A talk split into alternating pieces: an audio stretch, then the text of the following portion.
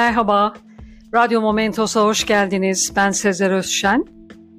Geçenlerde izlediğim bir dizide bir müzik dükkanının adının 27 olması ve bunun nedeni açıklanırken 27'ler kulübü ile ilgili bir efsane olduğunu hatırladım. Bugünkü yayında bu konuyu aktarmak istiyorum sizlere. 27'ler kulübüne genellikle yüksek dozda alkol ve uyuşturucu, cinayet gibi şiddet olayları, intihar veya taşıt kazaları sebebiyle 27 yaşında ölen ünlü müzisyen, sanatçı, oyuncu ve sporcular dahil edilmektedir.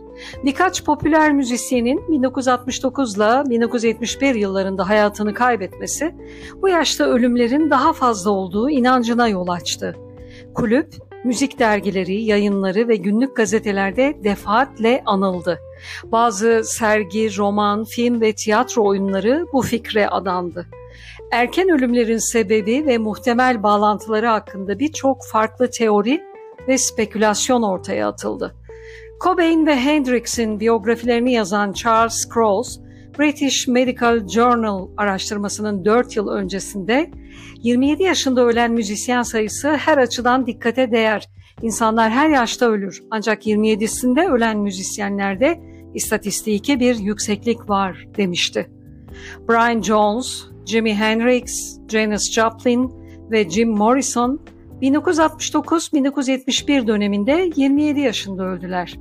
Bu rastlantı bazı yorumlara yol açmış ancak 1994'te Kurt Cobain'in 27 yaşındayken ölümüne kadar 27'ler kulübü fikri kamuoyunda yankı bulmamıştı.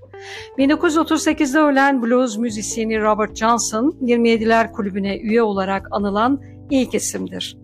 2011'de Amy Winehouse 27 yaşında hayatını kaybedince medyanın 27'ler kulübüne ilgisi yeniden ortaya çıktı. British Medical Journal'da yayımlanan Aralık 2011 tarihli çalışma, müzisyenlerin ölüm riskinde 27 yaşında bir artış olmadığı sonucuna ulaştı. Ele alınan müzisyen grubu için 20'li 30'lu yaşlarda ölüm tehlikesi yükselişi olsa da bu durum 27 yaşa özgü değildi. 2015'te çıkan The Independent makalesi de popüler müzisyenlerin 27 yaşında ölme ihtimalinin daha fazla olmadığına dair istatistiki kanıtlar sundu.